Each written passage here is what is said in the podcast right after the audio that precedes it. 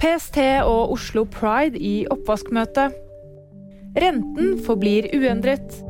Og Jon Carew har fått ny jobb.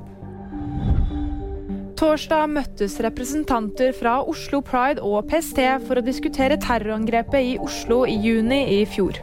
Her ba Oslo Pride-leder Dan Bjørke PST om å komme med ærlige svar om hva som kunne blitt gjort annerledes i forkant av skytingen. Eh, og det er eh, starten på et eh, arbeid som ligger foran oss, for at vi skal kunne ha styrket tillit til det arbeidet PST gjør, rettet mot trusselen som er mot skeive.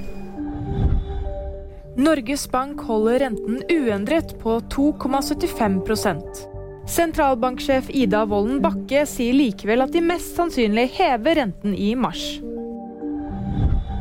Tidligere fotballspiller Jon Carew har fått jobb i Norges Fotballforbund. Han ansettes i en 80 %-stilling hvor han skal jobbe med barn og unge, noe han sier han gleder seg til. Carew ble i november dømt til en ubetinget fengselsstraff, men han håper han kan kombinere soningen med den nye jobben. Og VG-nyheter de fikk du av meg, Fride Ribø Lie.